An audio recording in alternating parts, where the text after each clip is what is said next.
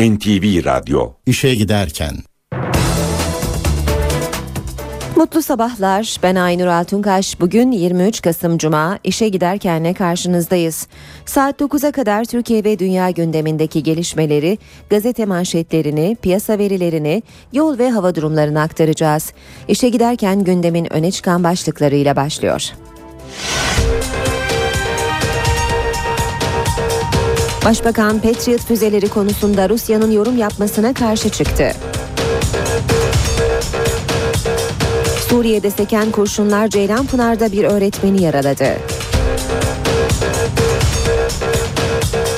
PKK dün akşam Van'da bir okul daha yaktı. 12 Eylül davasında bir sonraki duruşma 17 Ocak'ta. Samsun'da bakır fabrikasındaki kaza 5 kişinin hayatına mal oldu. Süper Loto'da 21 milyonun sahibi Kayseri'den çıktı. Fenerbahçe UEFA Avrupa Ligi'nde Marsilya'yı 1-0 yendi. İşe giderken gazetelerin gündemi.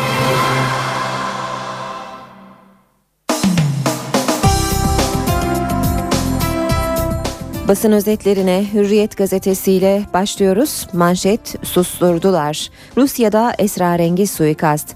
10 Ekim'de Ankara Esenboğa'ya indirilen Suriye uçağındaki askeri malzemeyi üreten Tula'daki fabrikanın yöneticisi öldürüldü. İlk şüphe Suriye bağlantısı.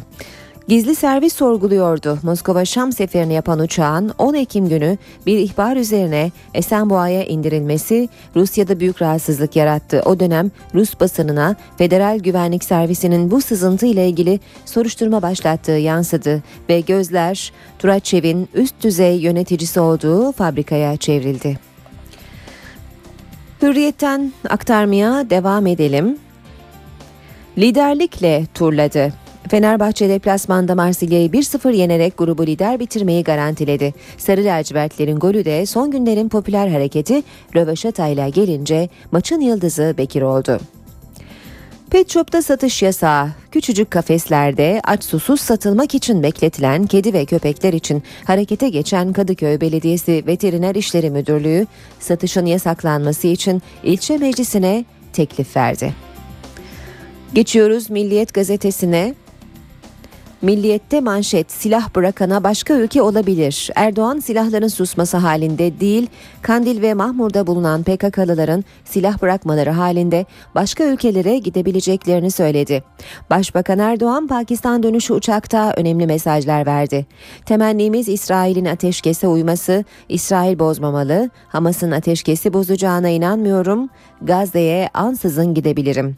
Rusya'nın Patriotlar konusunda yaptığı açıklamaları çok yanlış buluyorum. Kendisiyle alakası olmayan Türkiye'nin iç meselesini kendi meselesi gibi gösterme yaklaşımı yanlış.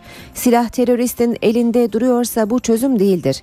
Biz farklı ülkelere gidebiliriz derlerse olabilir. Örgüt üyelerinin önemli bir kısmı Kandil ve Mahmur'da bulunuyor. Bunlar farklı ülkelere gitmek isterse gidebilir dedi Başbakan. Yine Milliyet'ten okuyalım. TOKİ'de hırsızlık, dolandırıcılık var. Çevre ve Şehircilik Bakanı Bayraktar, CHP'li Erdoğdu'nun ortaya attığı yolsuzluk iddialarını doğruladı. TOKİ'nin 55-60 milyon lira zarara uğratıldığını, bu konuda soruşturmayı kendisinin açtırdığını söyleyen Bayraktar, burada dolandırıcılık, hırsızlık var. Bu benim zaafımdır. Bir idareci olarak yanlışlığı görebilmeliydik dedi Bayraktar. KC Grup tarafından dolandırıldıklarını da belirterek kim suçluysa cezasını çeksin ben de dahil diye konuştu. Devam ediyoruz basın özetlerine Sabah gazetesine bakalım. Sabahta manşet 170 bin yabancının iş umudu Türkiye. Ekonomik büyüme performansıyla dikkat çeken Türkiye'ye Rusya, Amerika, İngiltere, Almanya ve Fransa dahil tüm dünyadan iş başvurusu yağıyor denmiş haberin devamında. Yargıya çifte alkış başlığını görüyoruz. Ana rahmindeki bebeği öldürene müebbet Diyarbakır'daki davada 3 kişinin ölümünden yargılanan 6 PKK'lı terörist saldırıda hayatını kaybeden hamile annenin bebeğinin ölümünden de sorumlu tutuldu. Sanıklar için beşer kez ağırlaştırılmış müebbet istendi. Haberin diğer ayağında maskeli göstericiye af yok başlığını görüyoruz. Yargıtay 9. Ceza Dairesi izinsiz gösterilerde yüzünü kapatanların eylemini ifade özgürlüğü kapsamına almadı. Mahkeme bu durumdaki sanıkların 3. yargı paketinden yararlanamayacağına hükmetti. Geçiyoruz Vatan Gazetesi'ne vatanda köstebeğe tek kurşun başlığını manşette görüyoruz. Suriye uçağındaki askeri malzemeyi üreten Rus silah şirketinin iki numarası öldürüldü. 58 yaşındaki Rus'un Ankara'ya indirilen uçaktaki kargoyu Amerika'ya sızdıran köstebek olduğu sanılıyor. İş cinayeti 5 ölü Samsun'da önlem alınmadan montajı yapılan 300 tonluk dev kapak işçileri pres gibi ezdi. 2007'de özelleştirilen Eti Bakır işletmelerinde toprak zeminde montajı yapılan dev kapak vinçle kaldırılmak istendi. Ancak bu sırada bölgeye güvenlik şeridi çekilmedi. Halat kopunca 300 tonluk kapak işçilerin üzerine düştü. 5'i öldü, 14'ü de yaralandı. 10 kişi gözaltına alındı. Bakanlık müfettiş gönderdi. Türk İş bu iş kazası değil, iş cinayeti diyor. Savcı bile şoke oldu başlığını görüyoruz. Mahkeme Pınar Selek ceza alsın diyen Yargıtay'a dördüncü kez direnemeyeceğini, direnmeyeceğini açıkladı. Karara savcı bile şaşırdı. Sosyolog Pınar Selek Mısır Çarşısı davasında 14 yılda 3 kez beraat etti. Ancak her seferinde Yargıtay ceza verilsin diyerek yerel mahkemenin kararını bozdu. Ve dün pes ettiğini açıklayan mahkeme Yargıtay kararına usule aykırılık gerekçesiyle direnmeyeceğini açıkladı. Mütalası sorulan savcı bile yeni bir durum oluştu. Buna ben de şoke oldum dedi. Devam ediyoruz basın özetlerine Cumhuriyet gazetesi var sırada. Öğretmenlerin ruhuna Fatiha diyor.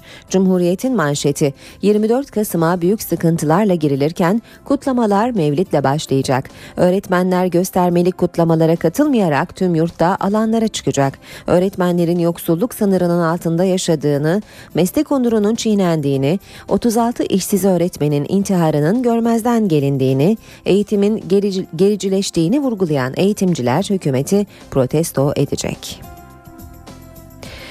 Devam ediyoruz basın özetlerine. Patriot istikrarı bozar başlığını görüyoruz Cumhuriyet'te. Rusya'dan Türkiye'ye tepki, Suriye-Türkiye sınırının askerileştirilmesinin endişe yarattığını belirten Rusya Dışişleri Bakanlığı sözcüsü bu tür adımların bölgeye istikrar getirmeyeceğini vurguladı. Bir diğer başlık evreni bozan soru. Abimin katili misiniz? Kenan Evren mağdurların soruları karşısında sessiz kaldı. Darbe sonrası idam edilen Erdoğan Yazgan'ın kardeşi abinin meclis onayı olmadan Evren'in imzasıyla idam edildiğini belirterek kendinizi abimin katili olarak görüyor musunuz dedi. Mahkeme MIT'ten 1 Mayıs kutlamalı katliamındaki yabancı ajanlarla ilgili belgeleri istedi. Radikal gazetesiyle devam edelim. Yürek dağlayan rapor demiş Radikal manşette. 4 psikiyatr 34 kişinin öldürüldüğü Uludere'de halkla görüştü. izlenimlerini raporlaştırdı. Travma sanılandan daha derin. Adalete güvensizlik umut kırmış. Ölüme anlam verilemiyor. Yaz tamamlanamıyor. Her perşembe mezara gidiliyor. Kadınlar durgun, konuşmaya mecalleri yok. Kimi içe kapalı, kimi aşırı politize olmuş. Öğrenciler parti yetkilisi gibi konuşuyor. Öneri psikiyatr, psikolog dahil sürekli ve gönüllü bir ekip orada çalışmalı. Akşam gazetesiyle devam edelim. Ölüm varken susamazsınız diyor akşamın manşeti. Gazze konusunda sessiz diplomasiyi savunan Amerikan Dışişleri Sözcüsüne İsrail terörist devlet ifadesine katılmıyoruz dedirten Amerikalı gazeteci Matthew Lee anlatmış. Israrla sordum çünkü insanlar ölürken hükümetler sessiz kalamaz. İdamla yüzleşme başlığını görüyoruz. Yine akşamda 12 Eylül duruşmasında 32 yıllık acılar tazelendi. Müdahil avukatlar yaşı büyütülerek idam edilen Erdal Eren'le gözaltına alındıktan sonra sokakta cesedi bulunan Süleyman Cihan'ın fotoğraflarını gösterdi. Kenan Evren'e tanıyıp tanımadığı soruldu. Evren hayır anlamında başını sağladı. İdam edilen Erdoğan Yazgan'ın kız kardeşi Sabire Yazgan'ı dinleyen Evren hiçbir soruya yanıt vermedi. Habertürk gazetesi var sırada. Habertürk'te Oda basandan ders almayız sür manşetini görüyoruz. CHP'liler tacizle suçlanan İnce'yi sahiplendi. Kadınlardan arınca. Güldal Mumcu'nun odasını basmıştın. Bülent Arınç'ın CHP'li Muharrem İnce'ye söylediği kadın vekiller yanına oturmasın sözü için CHP'li kadın vekiller şiddetle kınıyoruz açıklaması yaptı. Bu zatın cinsiyetçi yaklaşımı bellidir. Güldal Mumcu'nun odasını basabilecek nitelikteki bir kişiden alacağımız bir hayat dersi bulunmamaktadır. Habertürk'te manşetse ateşkeste aracı MIT Gazze krizi boyunca Kahire'de kalan Hakan Fidan Mossad'la görüşerek kritik rol oynadı deniyor Habertürk'ün haberinde. Zaman gazetesine bakalım adalet olsun diye insanlar asılır mı diyor manşeti zamanın 12 Eylül'de idam edilen gençlerin yakınlarından Kenan Evren'e tepki. 12 Eylül davasında adaletli olsun diye bir sağdan bir soldan astık şeklinde ifade veren Kenan Evren acılı aileleri bir kez daha üzdü. 21 yaşında idam edilen ülkücü Halil Esendağ'ın abiyi Osman Esendağ adalet olsun diye insanlar asılır mı? Kardeşim İmam Hatipli olduğu için idam edildi dedi. Yeni Şafak'la bitiriyoruz. Son dakika tarifsiz acı. Başlığını manşette görüyoruz. Gazze'ye 8 gün boyunca saldıran İsrail ateşkes öncesinde bile katliama devam etti. Son saldırıda Şifa Hastanesi'nin doktoru Necat Naim'in minik oğlu da hedef oldu. Her şeyden habersiz yaralılar için çırpınan anne oğlunun cansız bedenini hastanede görünce yıkıldı deniyor haberde. NTV Radyo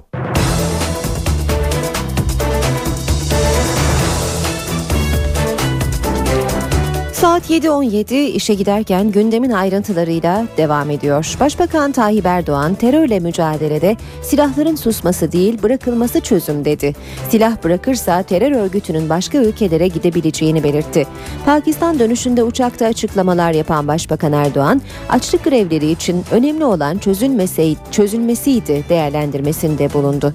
Başbakan valilerin seçilebilmesinin de tartışılabileceğini belirtti. Başbakan Recep Tayyip Erdoğan terörle mücadele konusunda silahların susturulması çözüm değil, bırakılması çözüm değerlendirmesinde bulundu. Başbakan Erdoğan silahlar bırakıldığı andan itibaren farklı ülkelere gitmek olabilir sözleriyle de geçmişte böyle konuların gündeme geldiğini hatırlattı. Kandil ve Mahmur'dakilerin olumlu gelişmeler olması durumunda başka ülkelere gönderilebileceğini söyleyen Başbakan, olumlu gelişme olursa bu konu değerlendirilir dedi. Açlık grevlerinin sona ermesini de değerlendiren başbakan çözüldü mü çözüldü önemli olan bu diye konuştu. Başbakan seçmeli ders uygulaması ile ilgili de açıklamalarda bulundu. Kur'an-ı Kerim'i 450 bin öğrencinin seçmeli ders olarak tercih ettiğini söyleyen başbakan 20 bin kişi de Kürtçeyi seçti dedi. Başbakan başkanlık sistemi konusunda ise halkın %40'ının üzerinde bir bölümünün başkanlık sistemi istediğini vurgulayarak dünyadaki modelleri masaya yatıralım, bize uygun olanı seçip alarak Türk modeli oluşturalım dedi. Başbakan Erdoğan ayrıca valilerin de seçimle iş başına gelmesinin tartışılması gerektiğini söyledi. Başbakan Erdoğan AK Parti'nin oy oranının ise %50'nin üstünde göründüğünü belirtti. Başbakan Erdoğan Pakistan dönüşünde dış gündeme ilişkin açıklamalarda da bulundu. Başbakan Amerika Birleşik Devletleri'nin Suriye ve Gazze konusunda olumlu ve ciddi politika izlemesi gerektiğini söyledi. Gazze'ye bir ziyaret gerçekleştirebileceğini belirten Başbakan, Rusya'nın Türkiye'nin Patriot talebine tepkisini de eleştirdi. Başbakan Tayyip Erdoğan, İsrail-Filistin sorununun çözümü konusunda Obama'dan daha adil bir yaklaşım beklediklerini söyledi. Clinton İsrail'e gelene kadar adım atılmadı diyen başbakan süreçle ilgili en etkin politikayı Türkiye, Mısır ve Katar'ın yürüttüğünü belirtti. Başbakan Türkiye'nin hassasiyetleri belli. Bunun görülmesi gerekir. Görülmezse ayıp olur. Obama kazanmasın diye reklam kampanyasında oynayan Tayyip Erdoğan değil Netanyahu dedi.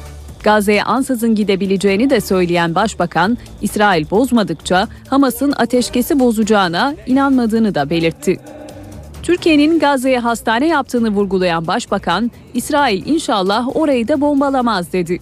Suriye konusunda da önemli açıklamalar yapan Başbakan, sınıra yerleştirilecek Patriot füzelerine Rusya'nın tepkisini eleştirdi. Rusya'nın açıklamasını çok yanlış buluyorum diyen Başbakan, benim sınırımda bir sorun varsa NATO gelir koruma altına alır. Füzeler savunma amaçlı yerleştirilecek. Akçakale'de vatandaşlarımız ölecek, uçağımız düşürülecek, sabırla dayanacağız. Bu gelişmeler bize bu tedbirlerin alınması gerektiğini gösterdi dedi. Başbakan, Pakistan ve Endonezya Dışişleri Bakanlarının iki hafta içinde Şam'a giderek Esad'la görüşeceğini, Türkiye'de ise Suriyelilerin kaldığı kampları ziyaret edeceklerini belirtti.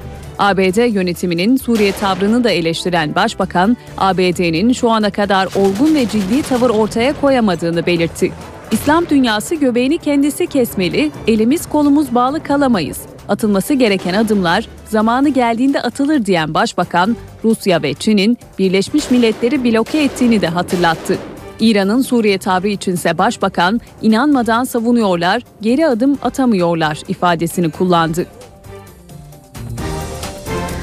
Başbakan Erdoğan'ın Pakistan dönüşünde uçakta Rusya'nın Türkiye'nin Patriot füzeleri talebine tepki göstermesine Rusya kendisiyle alakası olmayan konuyu iç meselesi gibi gösteriyor sözleriyle yanıt verdi. Başbakanın bu açıklamalarına sebep olan sözler dün Rus Dışişleri Sözcüsü'nden gelmişti. Sözcü NATO'dan Patriot isteği bölgedeki istikrarı güçlendirmeyecek dedi ve Ankara'ya güç gösterisi yapmayın çağrısında bulundu. Türkiye'nin Suriye sınırına yerleştirmek için NATO'dan Patriot füzeleri istemesine Moskova'dan tepki geldi. Rusya Dışişleri Bakanlığı sözcüsü Alexander Lukashevich, Türkiye Suriye sınırının silahlandırılması endişe verici bir işaret dedi. Sözcü böyle bir adımın duruma iyimserlik katmadığını söyledi. Varsayımla ne olabileceğini söylemek zor fakat Türk ortaklarımıza tavsiyemiz Suriye içinde diyaloğun başlaması için muhalefet üzerindeki etkilerini vakit geçirmeden kullanmaları, güç gösterisi yapmamaları ve durumu tehlikeli bir yöne çevirmemeleri. NATO üyesi Fransa'dansa Türkiye'nin patriot isteğine destek geldi. Dışişleri Bakanı Laurent Fabius, muhalefet etmeye gerek yok. Bu tamamen savunma amaçlı dedi. Türkiye'nin Suriye'den gelecek olası balistik füze tehdidine karşı NATO'dan resmen talep ettiği Patriot füze savunma sistemi için süreç başladı. Hükümetle muhalefet füze konusunda da karşı karşıya geldi. AK Parti Genel Başkan Yardımcısı Hüseyin Çelik, Patriotların mülki sahibi NATO ama tetik bizim elimizde olacak dedi. Muhalefet ise Suriye sınırına füze bataryalarının yerleştirilmesine tepki gösterdi. Şu anda bizim topraklarımız aynı zamanda dördüncü maddeye göre NATO'nun da topraklarıdır. Ve burada NATO ile yapılan görüşmeler müvaciesinde e, burada savunma esaslı olmak üzere böyle bir adım atılmaktadır. Türkiye ile NATO arasında olası Suriye tehdidine karşı Patriot trafiği hızlandı. Resmen talep edilen Patriot füze savunma sistemleri için NATO'dan ilk heyet hafta başında Türkiye'de olacak. 30 kişilik heyet Suriye sınırı boyunca yapacağı incelemede füze bataryalarının hangi bölgelere konuşlandırılacağını inceleyecek. Yer seçiminde Türk Silahlı Kuvvetleri'nin görüşü belirleyici olacak. Bunun nereye yerleştirilip yerleştirilmeyeceği bizim silahlı kuvvetlerimizin mensuplarının da uygun görmesiyle bunlar nereye uygun görürlerse oralarda bu yerleşim olacaktır ve bu tamamıyla savunma esaslı olarak yani karşı tarafın muhtemel bazı saldırılarına karşı alınacak e, tedbirlerdir. Heyetin hazırlayacağı rapor Suriye sınırının uzunluğu da dikkate alınarak Türkiye'ye kaç batarya geleceğini de ortaya koyacak. Füze bataryalarının sayısı Türkiye'ye gelecek yabancı asker sayısı için de belirleyici olacak. Patriotların mülk sahibi yani bunların bu sistemlerin sahibi NATO'dur. Tabii ki diğer ülkelerden bu konuda uzmanlar gelecek. Yurt dışından asker gelecek mi? Gelecek. Tetiği bizde olacak. Aralık ayında Türkiye'ye gelmesi beklenen Patriotlara muhalefetse tepkili. Geldiğimiz nokta iyi bir nokta değil. Kendi coğrafyamızda barış içinde yaşarken şimdi neredeyse kendimizi savaşın ortasında bulacağız. Bu füzelerin Malatya'da bulunan Kürecik füze radar üssüyle bir ilişkisi var mıdır yok mudur? Sayın Başbakan burası Türkiye toprağı. Burası benim vatanım. Ne demek NATO'nun toprağı? Suriye'nin Türkiye sınırı yakınındaki Resulayn kasabasında Hafta başından beri terör örgütü bağlantılı PYD gruplarıyla Suriyeli muhalifler arasında çatışmalar yaşanıyor. Çatışmalardan seken kurşunlar dün Ceylanpınar'da bir öğretmeni yaraladı. İlçede okullar tatil edildi. Atılan roket mermileri de bir eve isabet etti. Bu arada yaklaşık 400 kişilik silahlı muhalif grup dün sabah sınırda toplandı. Komutanlarından kısa süreli eğitim aldı. Suriye'nin Resulayn kasabasındaki çatışma Ceylanpınar'da bir öğretmeni yaraladı. Öğretmen Yunus Tosun bacağından vuruldu. İlçede okullar yine tatil edildi.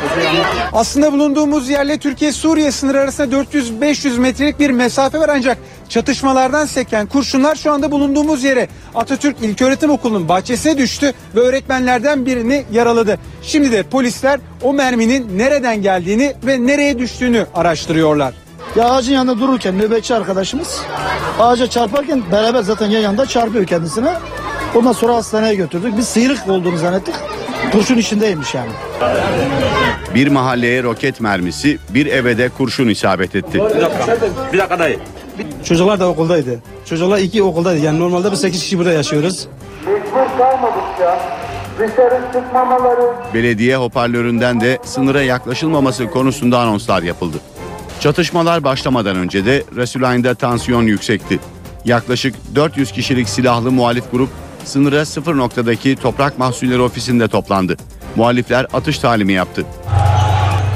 Muhalifler daha sonra küçük gruplar halinde Resulayn kentine daldı. Resulayn'a tank da getirildi. Ardından çatışma başladı. Türkiye sınırındaki güvenlik önlemleri de sürüyor. Askerler mevzilerde siper aldı. Zırhlı araçlarda sınır hattında gün boyunca tur attı. İsrail ile Hamas arasında ateşkes ilan edilmesinin ardından Gazze'de 8 gün süren bombardımanın izlerinin silinmesi için çalışmalar başladı. Dün ateşkesten sonraki ilk gündü. Gazze'liler 8 gün süren yoğun bombardımanın ardından bir yandan normal hayata dönmeye, diğer yandan yaralarını sarmaya çalışıyorlar. Kısa bir süre öncesine kadar tam bu noktada aynı aileden 12 kişi hayatını kaybetmişti. Ölenlerden 4'ü çocuktu. Şimdi ateşkes anlaşmasına varıldı ve yıkımın izleri ortadan kaldırılıyor. Cemal Eldeoğlu saldırıda 6 çocuğunu birden kaybetti. Ateşkes keşke daha önce olsaydı. Ama yine de hepimizin kanı vatanımıza feda olsun. Bir başka noktada ise bir anma töreni var. Gazze'de ateşkesin sağlanmasından 15 dakika önce 30 yaşında bir genç hava saldırısında hayatını kaybetti. Selahattin Tugaylarına bağlıydı. Şimdi arkadaşları onun için saygı nöbeti tutuyorlar. Hamas hükümet sözcüsü Tahir El Nunu ise ateşkes anlaşması çerçevesinde ambargonun tamamen kalkmasını beklediklerini söyledi. Anlaşmanın koşulları gayet açık. İnsan ve malzeme geçişleri sağlanmalı. İsrail'e bu konuda güvenemiyoruz. Ama Mısır'ın garantörlüğü var. Mısırlılara güveniyoruz. Gerilimin arttığı ülkelerden biri de Irak. Irak'ta merkezi yönetimle Kürtler arasındaki krizi aşmak ve bir iç savaşın önüne geçmek için girişimler başladı. Maliki yönetimiyle Barzani arasında arabuluculuk çalışmalarını Irak Meclis Başkanı ile Şii lider Sadr yürütüyor. Maliki geri adım atmamakta kararlı. Kürtler ise Irak Başbakanı koltuğundan indirmeyi amaçlıyor. Bağdat'la Erbil arasındaki krize çözüm aranıyor. Irak Meclis Başkanı Usame El Nuceyfi ve Şii lider Mukteda Esad ara buluculuk için devrede. Sadr bu amaçla 3 aydır bulunduğu Lübnan'dan Irak'a döndü. Kürt liderlerle görüşerek soruna anayasaya uygun bir çözüm bulunmasını istedi. Irak Meclis Başkanı El Nuceyfi, Bağdat'taki siyasi gruplar ve Başbakan Nuri El Maliki ile görüştü. Ancak bu girişimlerden bir sonuç elde edilmesi kolay görünmüyor. Irak Başbakanı Peşmergeleri, Kerkük, Diyala ve Selahattin eyaletleri gibi anlaşmazlık konusu olan bölgelerin güvenliğini dahil etmeyi reddetti. Maliki Kürtlere Irak ordusunun tek bir mevziden bile çekilmeyeceği mesajını iletti. Hükümet kaynaklarına göre Kerkük'teki Araplarla Türkmenlerin desteğini elde eden Maliki, Kürtlerin bu kentteki nüfuzunu azaltmakta kararlı. Kürt kaynaklarsa Kuzey Irak'a giden Cumhurbaşkanı Celal Telebani ile Bölgesel Kürt Yönetimi Başkanı Mesut Barzani'nin Maliki'nin anayasal yollardan başbakanlıktan indirilmesi konusunda anlaştıklarını belirtiyor. Kürtler Şii partilerden başbakanlık için alternatif bir isim belirlemelerini de istedi. Talebani'nin Maliki'yi düşürmek için anayasal yetkilerini kullanabileceği kaydediliyor. Irak Başbakanı ise başbakanlıktan indirilmesi için mecliste yeterli sayı olmadığına işaret ediyor. Az sonra spor haberlerini sunacağız. Şimdi kısa bir aramız var. Ara vermeden önce gündemin başlıklarına bakalım. Başbakan Patriot füzeleri konusunda Rusya'nın yorum yapmasına karşı çıktı. Suriye'de seken kurşunlar Ceylanpınar'da bir öğretmeni yaraladı. PKK dün akşam Van'da bir okul daha yaktı. 12 Eylül davasında bir sonraki duruşma 17 Ocak'ta. Samsun'da bakır fabrikasındaki kaza 5 kişinin hayatına mal oldu. Süper Loto'da 21 milyonun sahibi Kayseri'den çıktı. Fenerbahçe UEFA Avrupa Ligi'nde Marsilya'yı 1-0 yendi.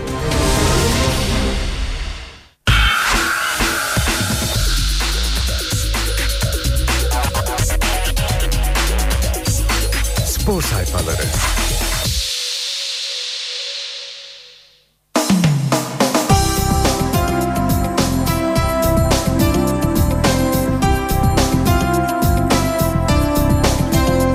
Saat 7.38 NTV Radyo'da işe giderken spor haberleriyle devam ediyor.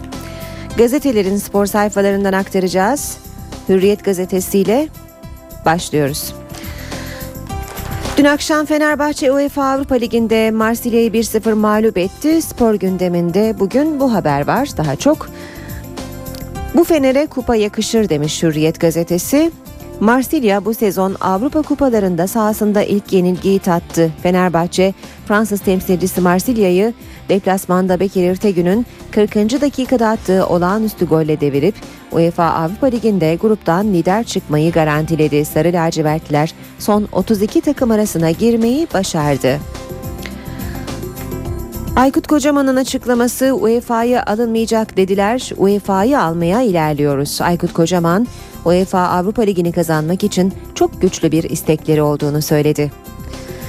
Bekir İrtegün'dü Fenerbahçe'nin golünü kaydeden e, son günlerin moda hareketi diyebileceğimiz röveşata ile attığı bu golü ve Avrupa'da gecenin en güzel golü başlığıyla yer bulmuş haber hürriyette Bekir İbrahimovic başlığıyla Fenerbahçeli futbolcu röveşatasıyla İbrahimovic'in İngiltere'ye attığı ve 100 yılın golü diye nitelenen gole taş çıkardı.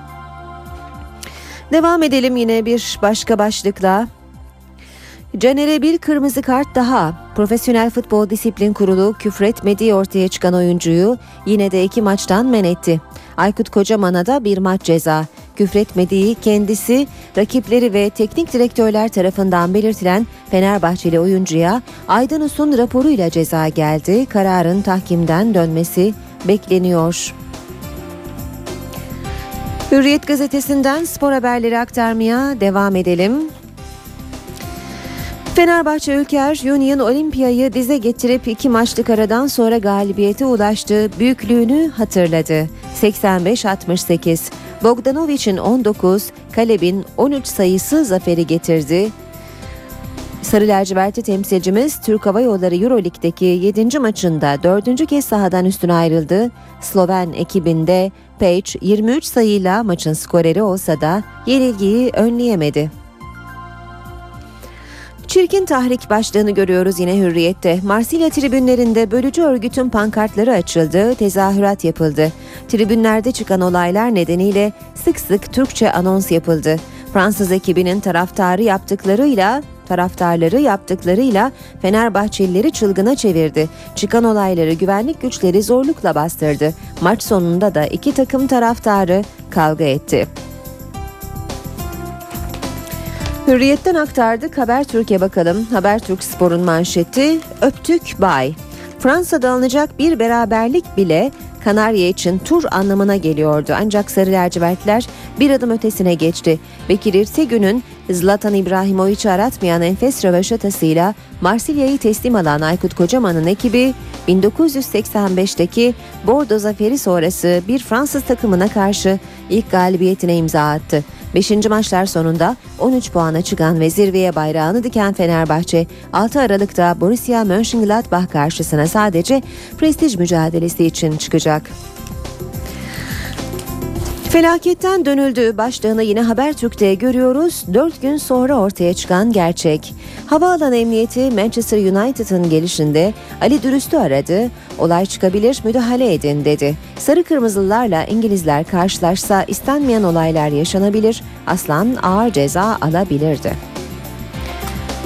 Sabahın spor sayfalarıyla devam edelim. Fener'in oyun bahçesi Avrupa demiş sabah manşette spor sayfalarında 27 yıldır kazanamadığı Fransa'da Marsilya'yı Bekir'in röveşatasıyla yıkan Fenerbahçe Avrupa Ligi'nde C grubunda liderliğini garantiledi. Ligde 12 maçta 20 puan toplayabilen Kanarya Avrupa'da sadece 5 maçta 13'ü buldu. Üstelik 3 deplasmanda deplasmandan da tam 9 puan çıkartarak. Sabah gazetesinden aktarmaya devam edelim. Feda'dan Nene'ye son 5 maçını kaybetmeyen Beşiktaş artık devre arası transferini düşünüyor. Siyah beyazlar maddi sıkıntılar nedeniyle sezona feda kampanyasıyla başlasa da Samet Aybaba Nene için yollara düştü deniyor haberde. Spor Toto Süper Lig'de yeni hafta heyecanı başlıyor. Bugün saat 20'de Beşiktaş Akisar Belediyespor'la İnönü Stadı'nda karşılaşacak. Bu hatırlatmayla spor haberlerinde sonuna geliyoruz.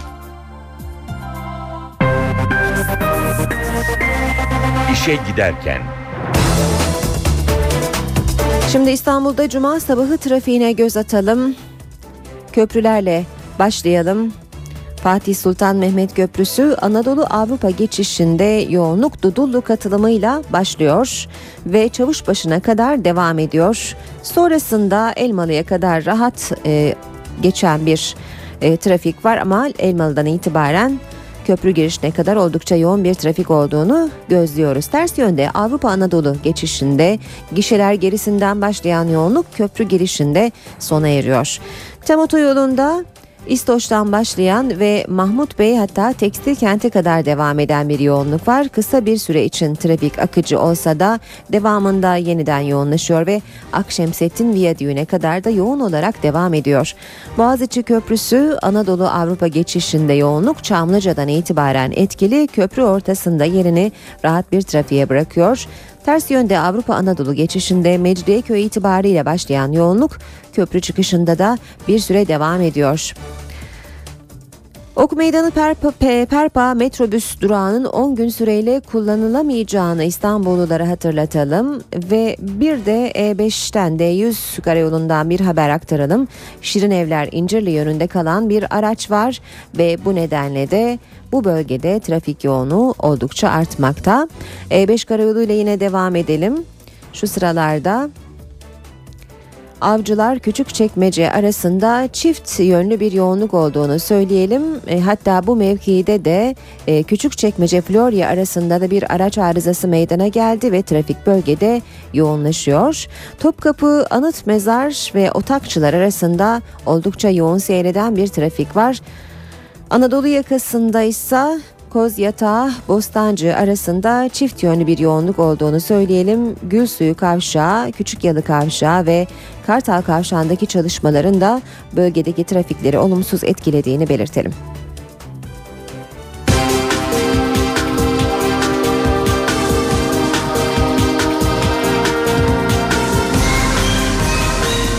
İşe giderken. Gündeme yakından bakmaya devam ediyoruz. 12 Eylül davasının dünkü duruşmasında Tahsin Şahinkaya'nın ardından Kenan Evren de hiçbir soruyu yanıtlamadı. Vicdanını sızlıyor mu sorusu yöneltildi. Evren susma hakkını kullandı. Bir sonraki duruşma 17 Ocak'ta. Bu süreç içinde Meclis Darbe Komisyonu'ndan ve Genelkurmay'dan istenen bilgi ve belgelerin gelmesi beklenecek. İşkencede yaşamını yitirenlerin, gözaltında kaybolanların yakınları, avukatları sordu. Dünyada Kenan Evren'e vicdanınız sızlıyor mu sorusu yöneltildi. Ama yanıt gelmedi. Evren susma hakkını kullandı. 12 Eylül davasında çapraz sorgu sırası 12 Eylül darbesinin başındaki isim Kenan Evren'deydi. Yüzlerce soru soruldu. Evren bu sorular karşısında kimi zaman heyecanlandı, kimi zaman bir şeyler mırıldandı ama konuşmadı. Önünüzde deve kesilecekti. Vicdan gösterip kestirmediniz. Deveye gösterdiğiniz vicdanı işkence görenlere niye göstermediniz diye sordular avukatlar. Evrene yaşı büyütülerek idam edilen 17 yaşındaki Erdal Eren'in fotoğrafı gösterildi. Abdi İpekçi suikasti, Doğan Öz cinayeti, Mehmet Ağar'a görev verip vermediği, Abdullah Öcalan'ı tanıyıp tanımadığı, PKK'nın oluşumunda katkısının olup olmadığını da sordular. Bir avukat Kenan Evren'in beni ancak tarih yargılar sözlerini hatırlattı. Ben 1985 doğumluyum. Üzgünüz ama bu durumda tarih biz oluyoruz ve sizi yargılıyoruz dedi. Mahkeme heyeti bu duruşmada ara kararını açıkladı. Kovuşturmanın genişletilmesine karar verdi. Gün Sazak suikastine ilişkin MIT ve emniyete yazı yazan mahkeme bilgi ve belgelerin gönderilmesini istedi.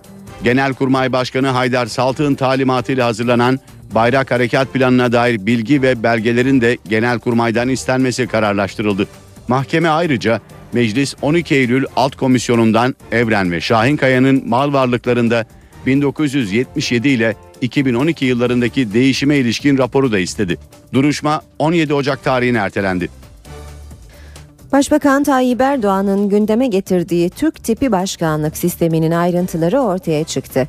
AK Parti'nin Anayasa Uzlaşma Komisyonu'na sunduğu teklife göre 40 yaşını dolduran ve üniversite mezunu olan herkes başkan olabilecek. Başkan beşer yıllığına iki kez seçilebilecek ve isterse meclisi feshedebilecek. Modele göre Genelkurmay Başkanlığı ve kuvvet komutanlıkları da ayrı ayrı Milli Savunma Bakanlığı'na bağlanacak. Türkiye'nin bundan sonra kaybetmeye tahammülü yoktur. Kazanarak yoluna devam etmelidir. Bunun yolu da başkanlık sistemine geçmekten geçiyor. AK Parti'nin Türk tipi başkanlık sistemi önerisi Meclis Anayasa Uzlaşma Komisyonu'nda. Başbakan Yardımcısı Bekir Bozdağ'a göre Türkiye için başkanlık sistemi şart. Ancak AK Parti sözcüsü Hüseyin Çelik'e göre ise başkanlık sistemi iktidarın olmazsa olmazı değil. Başkanlık sistemi, yarı başkanlık sistemi veya partili cumhurbaşkanı bizim olmazsa olmazımız değil. Eğer bunu kabul etmezse uzlaşma komisyonundaki diğer partiler biz masadan kalkarız falan gibi bir iddiamız yok. Sayın Cumhurbaşkanı yaptığı icraatlardan dolayı kesinlikle muhakeme edilemez, muahaze edilemez. Doğru mu? Şu anda. Ama bizim getirdiğimiz öneride öyle olmayacak. Başkan yaptıklarından sorumlu olacak. Bu daha iyi değil mi? AK Parti'nin önerisine göre 40 yaşını dolduran ve üniversite mezunu olan herkes başkan olabilecek. Başkan beşer yıllığına iki kez seçilebilecek. Başkanın meclisi feshetme hakkı da olacak ama bu hakkını kullandığında kendi başkanlığı da sona erecek. Meclis, gen soru, soruşturma hatta kabinenin düşürülmesi benzeri hiçbir tasarrufta bulunamayacak. Ancak gerekli hallerde meclis başkanı görevden alabilecek. Türk modelinin Amerika Birleşik Devletleri'nden ayrılan bir başka yanı da tek meclis ve üniter yapı. Amerika Birleşik Devletleri'nde olduğu gibi ikili bir yapıya gidilmeyecek. Türkiye Büyük Millet Meclisi'nin yapısı korunacak. Başkan, vatana ihanet gibi belli başlı bazı suçlardan Anayasa Mahkemesi'nde yargılanabilecek. Başkanı Yüce Divan'a gönderme yetkisi mecliste olacak. Türk tipi başkanlık sisteminde Genelkurmay Başkanlığı ve kuvvet komutanlıkları ayrı ayrı Milli Savunma Bakanlığı'na bağlanacak. Çevre ve Şehircilik Bakanı Erdoğan Bayraktar Meclis Plan ve Bütçe Komisyonu'nda çarpıcı açıklamalar yaptı. TOKİ'den proje alan bir inşaat şirketinin yolsuzluk yaptığı iddiasının gündeme getirilmesi üzerine Bayraktar, "Burada dolandırıcılık, hırsızlık var. Bu benim zaafımdır. Kim suçluysa cezasını çeksin, ben de dahil." dedi. Burada dolandırıcılık, hırsızlık var, bu benim zaafımdır dedi. Ardından da kim suçluysa cezasını çekmeli, ben de dahil açıklaması geldi. Bu sözler Çevre ve Şehircilik Bakanı Erdoğan Bayraktar'a ait. Bayraktar, Meclis Plan ve Bütçe Komisyonu'nda CHP İstanbul Milletvekili Aykut Erdoğdu'nun gündeme getirdiği yolsuzluk iddiası ile ilgili konuştu. TOKİ'den proje alan bir şirketin hasılat paylaşımı konusunda TOKİ'yi faiziyle birlikte 55-60 milyon lira zarara uğrattığını anlattı. Aykut Bey haklıdır. Biz orada Tokyo olarak dolandırıldık ama şu anda onları mahkemeye verdik. Ben bizzat olur aldım mahkeme açtım. Benim hakkımda soruşturma açın dedim. Biz kendimizi de ihbar ettik ama incelediler baktılar gerek teftiş kurulları gerekse savcılık bizi suçlu görmedi. Ama orada bir zaafımız olduğunu itiraf ediyorum. Sonradan Allah yardım etti bize. Oradaki TOKİ'nin zararını garanti altına alacak bir mekanizma geliştirdik ve TOKİ'nin 55 milyon lira alacağı kesinleşti. 12 milyon lirasını bugüne kadar TOKİ tahsil etti. İstanbul'da Çamlıca Tepesi'ne inşa edilecek caminin projesi belirlendi. 6 minareli ve 27.250 kişi kapasiteli caminin tasarımını iki kadın mimar yaptı. Birinciliği kazanan projeyle 62 aday proje İstanbul'da bir sergiyle görücüye çıktı. Çamlıca'daki televizyon kulesinin yanında bir cami yaptık. Onu yaptık. İnşallah bu dev cami İstanbul'un her yerinden görülecek şekilde dizayn edildi. Başbakan Recep Tayyip Erdoğan'ın ilk kez 6 ay önce gündeme getirdiği Çamlıca'ya Camii projesinin tasarımı belirlendi. Birinciliği kazanan Bahar Mızrak'la Hayriye Gül Totu imzasını taşıyan tasarımla diğer 62 aday proje Mimar Sinan Camii'nde tanıtıldı.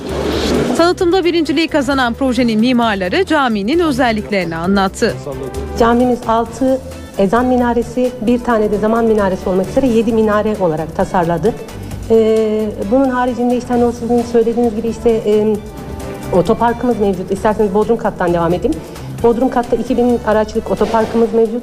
Bunun haricinde işte caminin içerisinde bir sanat galerimiz, e, kütüphanemiz, Türk İslam medeniyetleri üzerine kütüphane.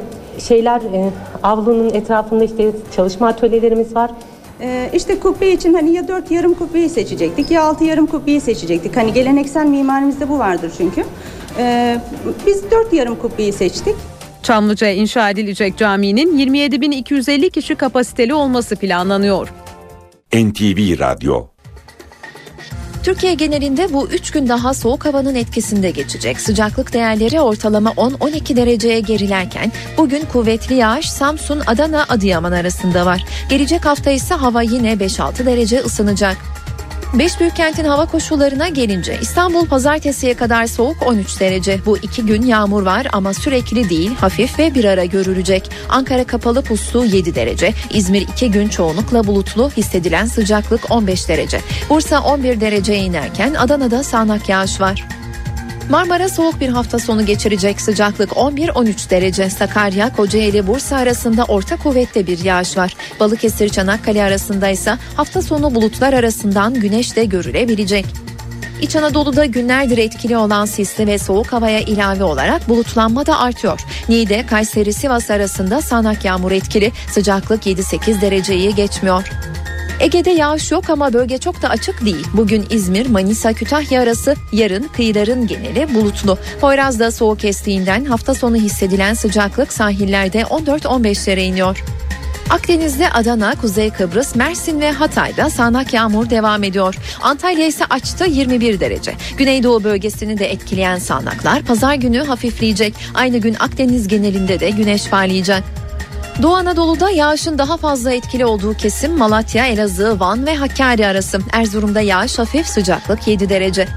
Karadeniz'e soğukla birlikte yağmur da geldi. Bölgenin genelinde pazartesiye kadar sürecek yağış en fazla Sinop, Samsun, Giresun arasını etkileyecek. Sıcaklıklar 12-13 dereceye iniyor. İşe giderken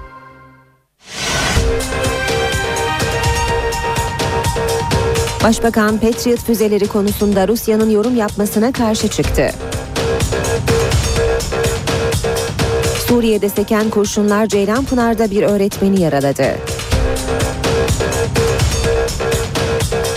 PKK dün akşam Van'da bir okul daha yaktı.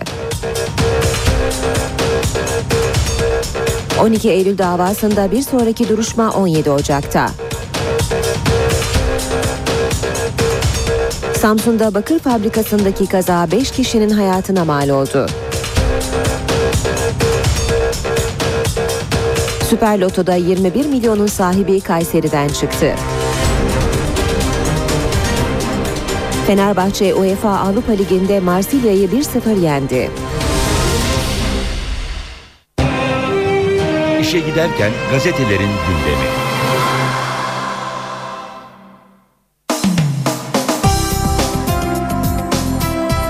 Milliyet gazetesiyle basın özetlerine başlıyoruz. Saat 8'i 3 geçiyor. Silah bırakana başka ülke olabilir demiş Milliyet manşette. Erdoğan silahların susması halinde değil, Kandil ve Mahmur'da bulunan PKK'lıların silah bırakmaları halinde başka ülkelere gidebileceklerini söyledi. Başbakan Erdoğan Pakistan dönüşü uçakta önemli mesajlar verdi. Temennimiz İsrail'in ateşkese uyması, İsrail bozmamalı, Hamas'ın ateşkesi bozacağına inanmıyorum. Gazze'ye ansızın gidebilirim. Rusya'nın Patriotlar konusunda yaptığı açıklamaları çok yanlış buluyorum. Kendisiyle alakası olmayan Türkiye'nin iç meselesini kendi meselesi gibi göstermeye yaklaşımı yanlış. Silah teröristin elinde duruyorsa bu çözüm değildir. Biz farklı ülkelere gidebiliriz derlerse olabilir. Örgüt üyelerinin önemli bir kısmı Kandil ve Mahmur'da bulunuyor. Bunlar farklı ülkelere gitmek isterse gidebilir. Yine milliyetten aktaralım. Selek ağırlaştırılmış müebbetle yargılanacak. Mısır çarşısı patlaması ile ilgili davada aldığı beraat kararı Yargıtay tarafından bozulan Pınar Selek'e yeni şok. Yargıtay'ın ceza verilsin ısrarına rağmen beraat kararında direnen yerel mahkeme dün bu tavrımız usule aykırı diyerek geri adım attı. Bu durum üzerine ben de şoke oldum diyen savcı Ahmet Saraç, Selek'in ağırlaştırılmış müebbet hapsini istedi. Dava yeniden görülecek. Göztepe'ye camiye onay. Göztepe'ye cami projesi yeniden gündemde. İstanbul Büyükşehir Belediye Meclisi'nde dün onaylanan değişiklikle cami yapımının yolu açıldı. AK Partililer caminin park alanına değil depo olarak kullanılan alana yapılacağını öne sürdü. CHP'liler ise itiraz için planın kesinleşmesini bekliyor. Geçiyoruz Hürriyet gazetesine. Susturdular manşetini görüyoruz Rusya'da esrarengiz suikast. 10 Ekim'de Ankara Esenboğa'ya indirilen Suriye uçağındaki askeri malzemeyi üreten Tula'daki fabrikanın yöneticisi öldürüldü. İlk şüphe Suriye bağlantısı. Hürriyetten bir başka başlık liderlikle turladı. Fenerbahçe deplasmanda Marsilya'yı 1-0 yenerek grubu lider bitirmeyi garantiledi. Sarı lacivertlilerin golü de son günlerin popüler hareketi Röveşata ile gelince maçın yıldızı Bekir oldu. Vatan gazetesiyle devam edelim. Köstebe'ye tek kurşun demiş vatanda manşette Suriye uçağındaki askeri malzemeyi üreten Rus silah şirketinin iki numarası öldürüldü. 58 yaşındaki Rus'un Ankara'ya indirilen uçaktaki kargoyu Amerika'ya sızdıran köstebek olduğu sanılıyor. Vatan gazetesinden bir başlık daha iş cinayeti 5 ölü. Samsun'da önlem alınmadan montajı yapılan 300 tonluk dev kapak işçileri pres gibi ezdi. 2007'de özelleştirilen Etibakır işletmelerinde toprak zeminde montajı yapılan dev kapak vinçle kaldırılmak istendi. Ancak bu sırada bölgeye güvenlik şeridi çekilmedi. Halat kopunca 300 tonluk kapak işçilerin üzerine düştü. 5'i öldü 14'ü de yaralandı. Sabah gazetesiyle devam ediyoruz. 170 bin yabancının iş umudu Türkiye. Ekonomik büyüme performansıyla dikkat çeken Türkiye'ye Rusya, Amerika, İngiltere, Almanya ve Fransa dahil tüm dünyadan iş başvurusu yağıyor demiş sabah haberinde. Geçiyoruz Cumhuriyete. Cumhuriyette manşet öğretmenlerin ruhuna Fatiha. 24 Kasım'a büyük sıkıntılarla girilirken kutlamalar Mevlid'le başlayacak. Öğretmenler göstermelik kutlamalara katılmayarak tüm yurtta alanlara çıkacak. Öğretmenlerin yoksulluk sınırının altında yaşadığını, meslek onurunun çiğnendiğini, 36 işsiz öğretmenin intiharının görmezden gelindiğini, eğitimin gericileştiğini vurgulayan eğitimciler hükümeti protesto edecek. Devam ediyoruz basın özetlerine geçelim Radikal gazetesine. Yürek dağlayan rapor demiş Radikal manşetinde. 4 psikiyatr 34 kişinin öldürüldüğü, öldürüldüğü Uludere'de halkla görüştü. İzlenimlerini raporlaştırdı. Travma sanılandan daha derin. Adalete güvensizlik umut kırmış. Ölüme anlam verilemiyor. Yaz tamamlanamıyor. Her perşembe mezara gidiliyor. Kadınlar durgun, konuşmaya mecalleri yok. Kimi içe kapalı, kimi aşırı politize olmuş. Öğrenciler parti yetkilisi gibi konuşuyor. Öneri psikiyatr, psikolog dahil sürekli ve gönüllü bir ekip orada çalışmalı. Akşam gazetesine bakalım. Akşamda manşet ölüm varken susamazsınız. Gazze konusunda sessiz diplomasiyi savunan Amerika Dışişleri Sözcüsüne İsrail terörist devlet ifadesine katılmıyoruz dedirten Amerikalı gazeteci Matthew Lee anlattı. Israrla sordum çünkü insanlar ölürken hükümetler sessiz kalamaz. Maliye kapıyı iki kere çalar. Lüks evin, otomobilin vergisini kaçıran yandı. Geçen yıl 10 milyon mükellefe mektup gönderen Gelir İdaresi yeni postalar için 20 milyon ek ödenek istedi. Maliye Bakanı Şimşek vergi kaçıranları yine uyardı. 5 bin dolara kiraya verilen konak kontratta 2 bin gösteriliyor. 20 bin lüks otoda kaçak saptadık 300 binini daha inceleyeceğiz.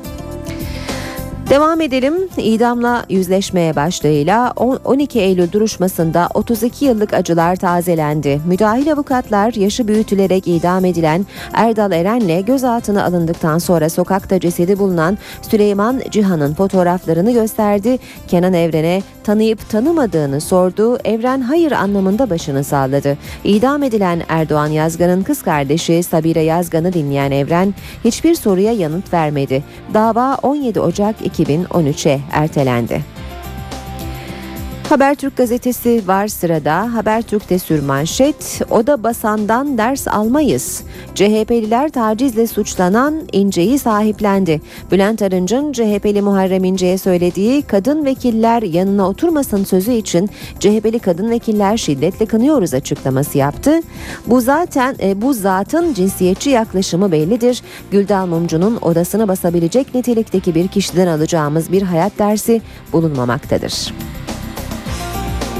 Devam ediyoruz basın özetlerine.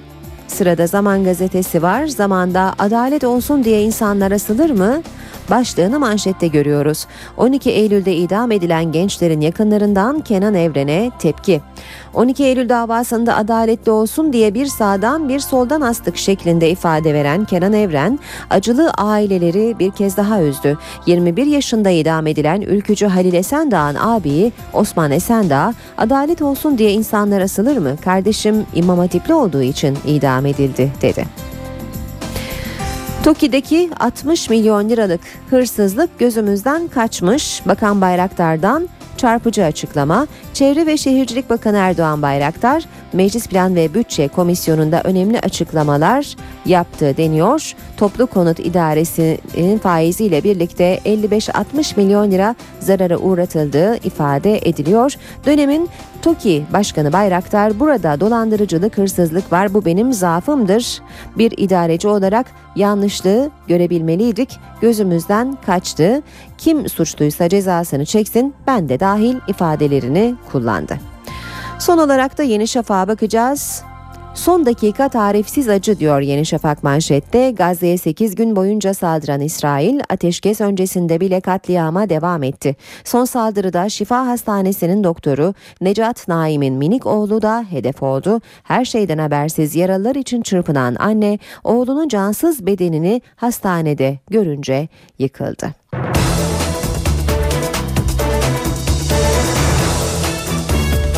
8-18 saat NTV Radyo'da işe giderken gündemin ayrıntılarıyla sürüyor. Başbakan Erdoğan terörle mücadelede silahların susması değil bırakılması çözüm dedi. Silah bırakırsa terör örgütünün başka ülkelere gidebileceğini belirtti. Pakistan dönüşünde uçakta açıklamalar yapan Başbakan Erdoğan açlık grevleri için önemli olan çözülmesiydi değerlendirmesinde bulundu. Başbakan valilerin seçilebilmesinin de tartışılabileceğini belirtti.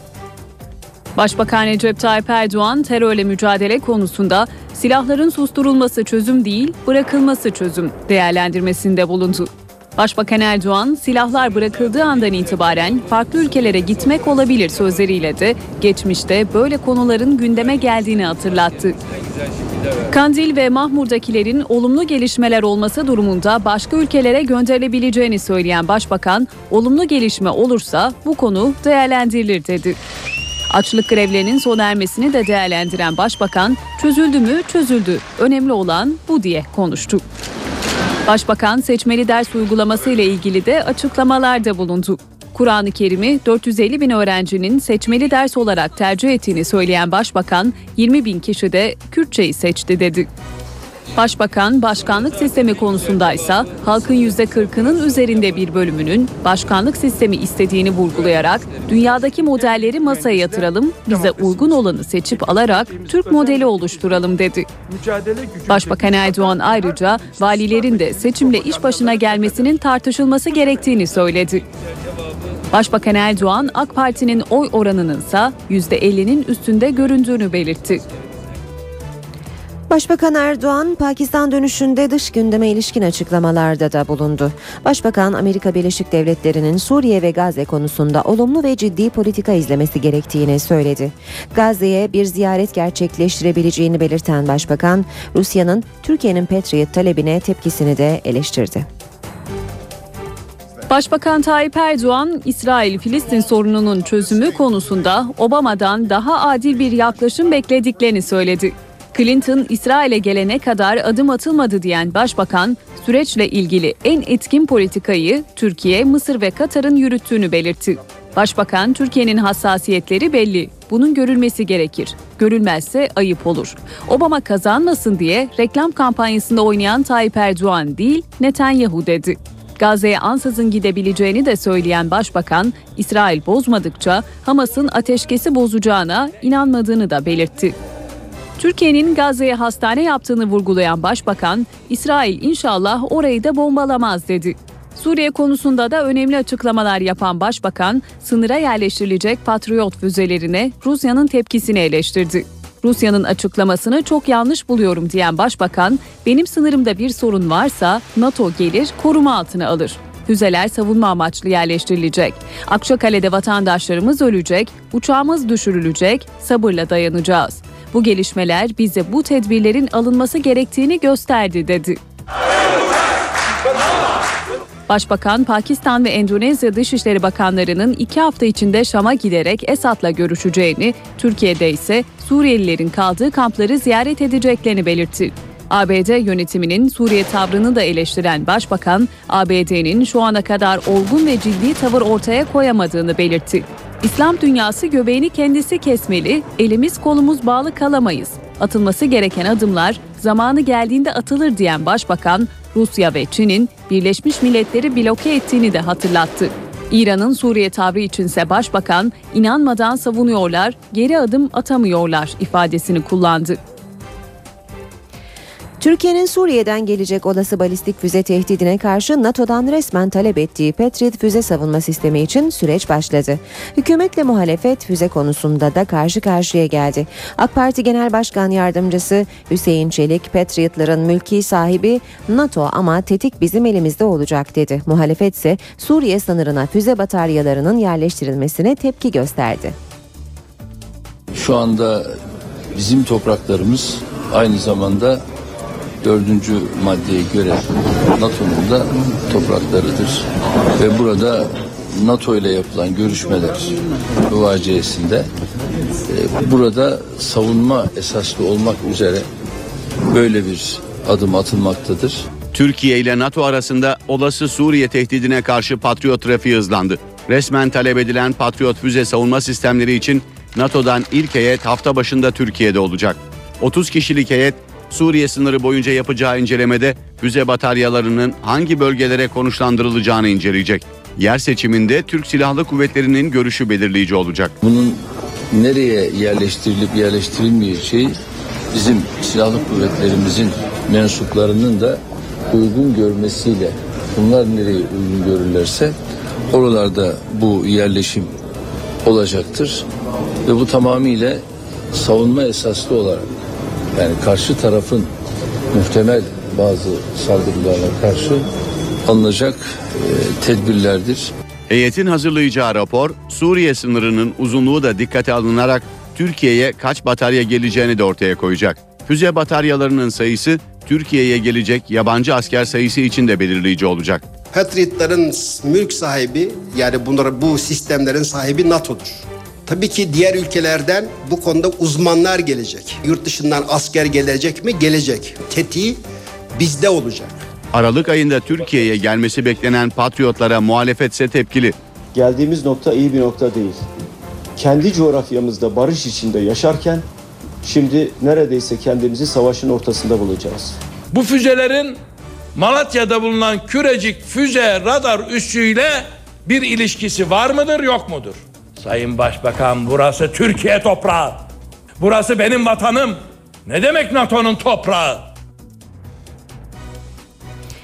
Suriye'nin Türkiye sınırı yakınındaki Resulayn kasabasında hafta başından beri terör örgütü bağlantılı PYD gruplarıyla Suriyeli muhalifler arasında çatışmalar yaşanıyor. Çatışmalardan seken kurşunlar dün Ceylanpınar'da bir öğretmeni yaraladı.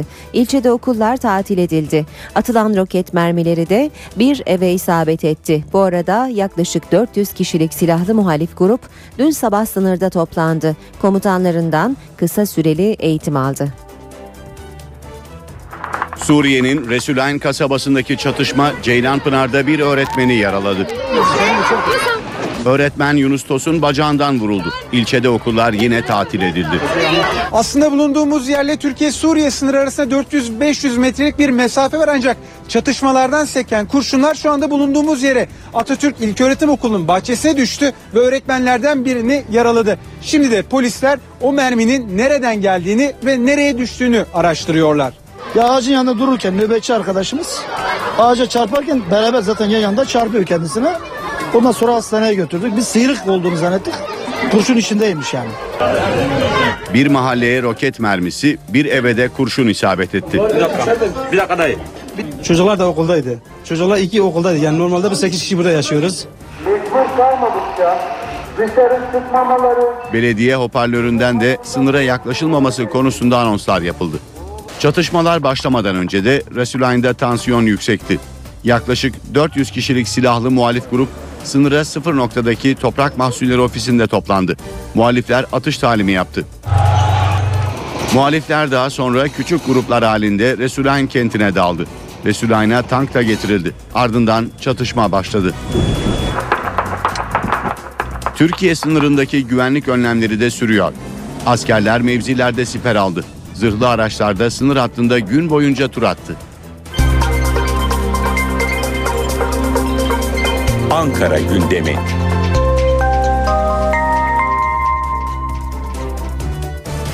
Başkent gündeminin ayrıntılarını NTV muhabiri Miray Aktağ Uluç aktarıyor.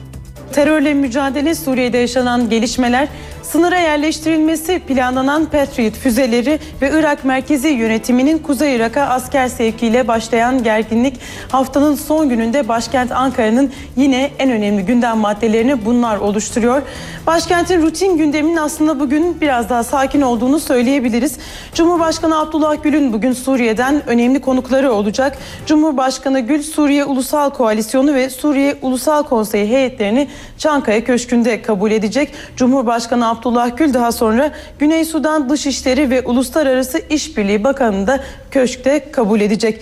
Yarın 24 Kasım Öğretmenler Günü. Öğretmenler Günü nedeniyle haftanın son gününde başkentte bazı programlar olacak. 81 ilden Ankara'ya gelen öğretmenler Milli Eğitim Bakanı Ömer Dinçer'le beraber Cumhurbaşkanı Abdullah Gül ve Türkiye Büyük Millet Meclisi Başkanı Cemil Çiçek'i ziyaret edecekler. 24 Kasım Öğretmenler Günü nedeniyle bir başka programda Milliyetçi Hareket Partisi Genel Merkezi'nde gerçekleşecek. MHP lideri Devlet Bahçeli öğretmenler onuruna parti genel merkezinde bir kokteyl verecek. Cumhuriyet Halk Partisi Genel Başkanı da bugün dikkat çeken bir kabulü olacak. CHP lideri Kemal Kılıçdaroğlu partisinin milletvekilleri tarafından Suriye'de geçirdiği 90 günlük esaretin ardından Türkiye'ye getirilen gazeteci Cüneyt Ünal'ın babasını CHP Genel Merkezi'nde kabul edecek.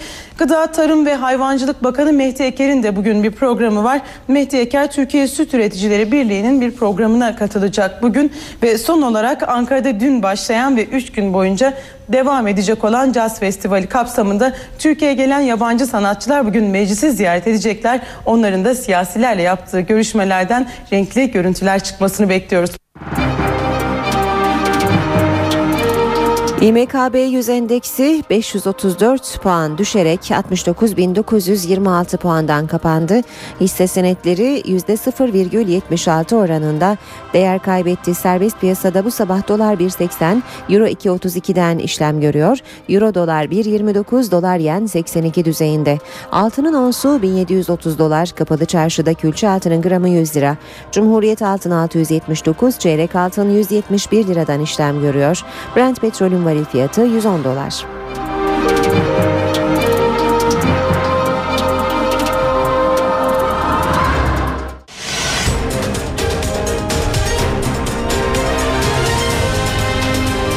NTV Radyo. Duyduklarınıza inanın. Ben Aynur Altunkaş, NTV Radyo'da işe giderken de birlikteyiz. Saat 8.30. Az sonra kısa bir ara vereceğiz. Ara vermeden önce de İstanbul trafiğindeki son duruma bakacağız. Bu arada gündemin başlıklarını hatırlatalım. Başbakan Patriot füzeleri konusunda Rusya'nın yorum yapmasına karşı çıktı. Suriye'de seken kurşunlar Ceylanpınar'da bir öğretmeni yaraladı. PKK dün akşam Van'da bir okul daha yaktı. 12 Eylül davasında bir sonraki duruşma 17 Ocak'ta. Samsun'da bakır fabrikasındaki kaza 5 kişinin hayatına mal oldu. Süper Loto'da 21 milyonun sahibi Kayseri'den çıktı. Fenerbahçe UEFA Avrupa Ligi'nde Marsilya'yı 1-0 yendi. İşe giderken. İstanbul trafiğinde araç arızaları ve trafik kazaları yoğunluk yaratıyor. Tem'de Kurtköy Kavşağı Sultanbeyli yönünde maddi hasarlı bir kaza var. Kaza nedeniyle bir şerit trafiğe kapalı kazaya müdahale ediliyor. Bayrampaşa Otogar Davutpaşa yönünde de bir maddi hasarlı kaza var ve bir şeridin trafiğe kapandığı bölgede yoğunluk artmaya devam ediyor. Bir diğer e, kaza haberi de bağlantı yolu Akom Nurtepe yönünde maddi hasarlı bir kaza oldu ve bir şerit trafiğe kapalı bu kaza sebebiyle. Ayrıca D100'de küçük çekmece Florya istikametinde bir araç arızası var ve bu arıza sebebiyle de bölgede yoğunluk artmaya devam ediyor.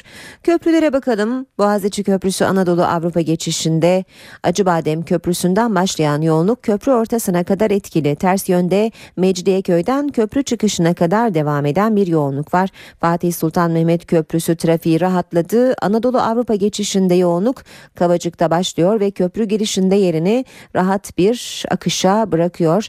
Ters yönde de trafik oldukça rahat. Şu sıralarda Etiler katılımı itibarıyla hafif bir yoğunluk görüyoruz. Köprü çıkışında ise trafik oldukça rahat seyrediyor. Ancak Ümraniye kavşağında yoğun bir trafik olduğunu görüyoruz. Ataşehir'de de yine trafiğin yavaş seyrettiğini söyleyebiliriz. Tem otoyoluna bakalım. Metris Tekstil Kent e, arasında hatta İstoç'a uzanan bir yoğunluk olduğunu söyleyebiliriz. Bir diğer yoğun olan bölge yine Tem'de Seyrantepe yönünde Karayolları Mahallesi itibarıyla başlıyor. Anadolu yakasında E5 karayolunda Maltepe kavşağından Koz yatağına kadar e, yoğun ama akıcı bir trafik olduğunu söyleyelim. Kısa bir aradan sonra yine karşınızda olacağız.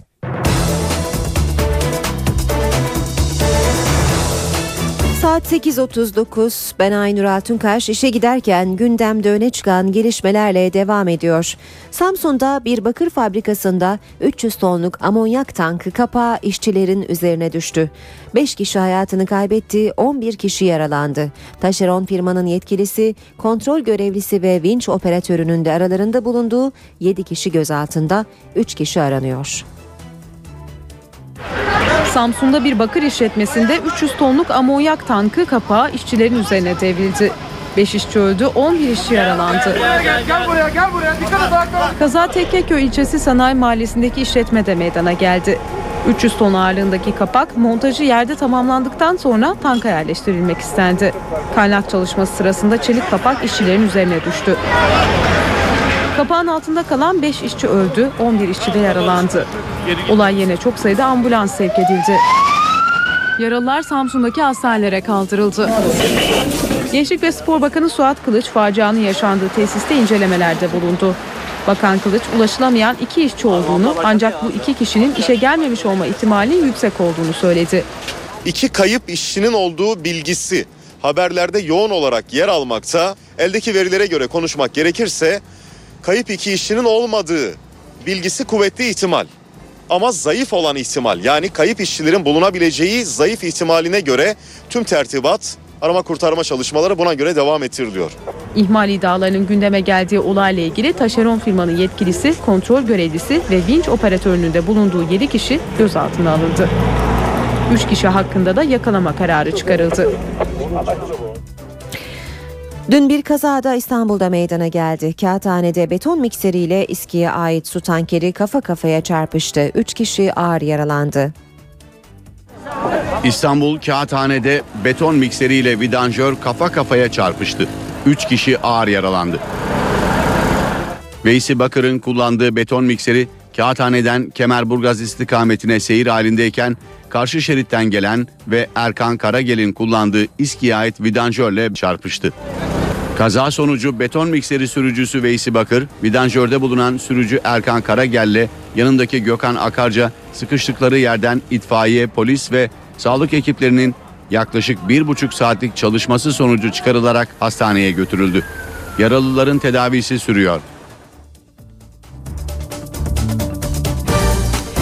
Taksim Meydanı'nda devam eden yayalaştırma çalışmaları bölgede yaşayan ve çalışanlar için çileye dönünce Büyükşehir Belediyesi harekete geçti.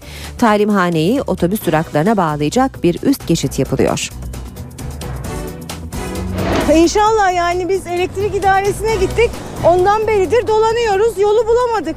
İstanbulluyuz. İstanbul'da doğma büyümeyiz ama Taksim'e çıkamadık yani böyle bir şey yok. Çok karışık gerçekten. Yani insanlar yolunu bulamıyor. Taksim Meydanı yayalaştırma projesi çalışmaları devam ediyor. Kapatılan alan giderek genişliyor. Yayaların yürüme mesafesi uzuyor. İstanbullular kendi çözümlerini bulmaya çalışıyor.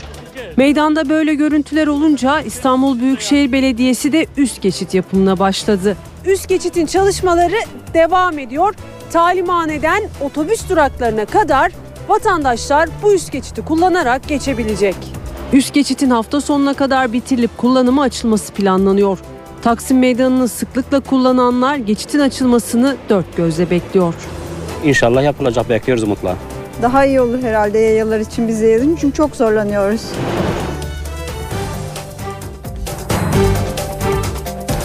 İstanbul'da Kadıköy Belediyesi bir ilke imza attı. Pet shoplarda kedi ve köpek satışını kaldırmak için ilçe meclisine teklif verdi.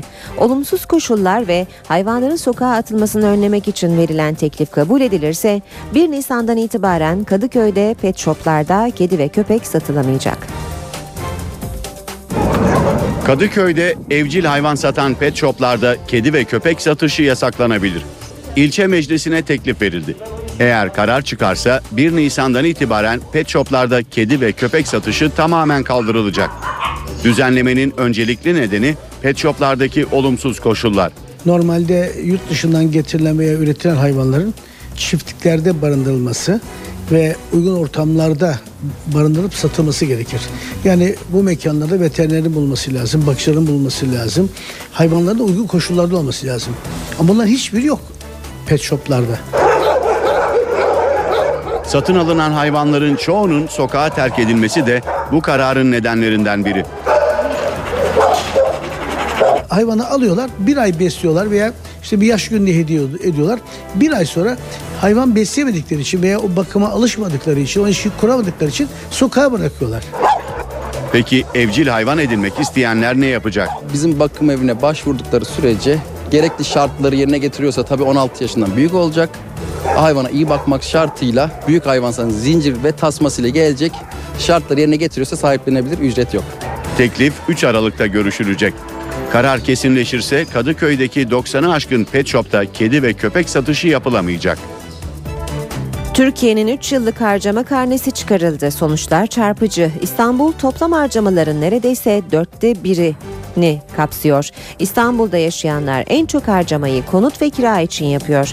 En az para ayrılan ihtiyaçlarsa eğitim ve sağlık. En az harcama yapan bölge ise Kuzeydoğu Anadolu. Türkiye'deki toplam harcamanın neredeyse dörtte biri İstanbul'da yapılıyor. Oran %23,3. İstanbulluların harcamalarında 32,6 ile aslan payı kira ve konuta gidiyor. En az para harcanan kalemlerse eğitim, kültür ve sağlık. Türkiye İstatistik Kurumu 2009, 2010 ve 2011 yıllarına ait harcama verilerini açıkladı. Verilere göre İstanbul'un ardından en yüksek harcama yapılan yerler %14,5 ile Ege ve %11,6 ile Akdeniz bölgeleri oldu. En az harcayanlarsa Kuzeydoğu Anadolu bölgesindeki 7 ilde yaşayanlar. Erzurum, Erzincan, Bayburt, Ağrı, Kars, Iğdır ve Ardahan'ın toplam harcamalar içindeki payı sadece %1,8. Hangi bölgede hangi harcama gruplarının öne çıktığına gelince. Konut ve kira tüm bölgelerde en yüksek harcama yapılan alan. İkinci sırada yine tüm bölgelerde gıda ve alkolsüz içecekler harcaması geliyor. Eğitim ve sağlık bölgelere göre sıralamadaki yeri değişse de en az harcama yapılan iki alan oluşturuyor. Ulaştırmaya en yüksek harcamayı Orta Anadolu bölgesi ayırıyor. En düşük ulaştırma harcaması ise Güneydoğu Anadolu'da yapılıyor. Haberleşme harcamasına yapılan payda lider Güneydoğu Anadolu. Alkollü içecek ve sigara harcamasında ise Ege ve Kuzeydoğu Anadolu bölgeleri öne çıkıyor. İşe giderkenin bugün de sonuna geldik. Veda etmeden önce gündemi hatırlayalım. Bugün Başbakan Erdoğan'ın Pakistan dönüşünde yaptığı açıklamalar öne çıkıyor. Erdoğan terörle mücadelede eğer Kandil ve Mahmur'da bulunan teröristler silah bırakırsa örgütün başka ülkelere gidebileceğini söyledi. Erdoğan NATO'dan gelecek olan Patriot füzeleriyle ilgili Rusya'nın yorum yapmasına da tepki gösterdi. Rusya kendisiyle alakası olmayan konuyu iç meselesi gibi gösteriyor dedi. Suriye sınırında da hareketlilik sürüyor. Suriye tarafından seken bir kurşun sebebiyle Ceylanpınar'da bir öğretmen yaralandı. Ve 8 haftadır devreden Süper Loto'nun talihlisi Kayseri'den çıktı. 6 bilen bir kişi 21 milyon 763 bin 311 liralık ikramiyenin sahibi oldu. İşe giderkenden bugünlük de bu kadar. Ben Aynur Altunkaş saat başında yeniden buluşmak üzere. Hoşçakalın. NTV Radyo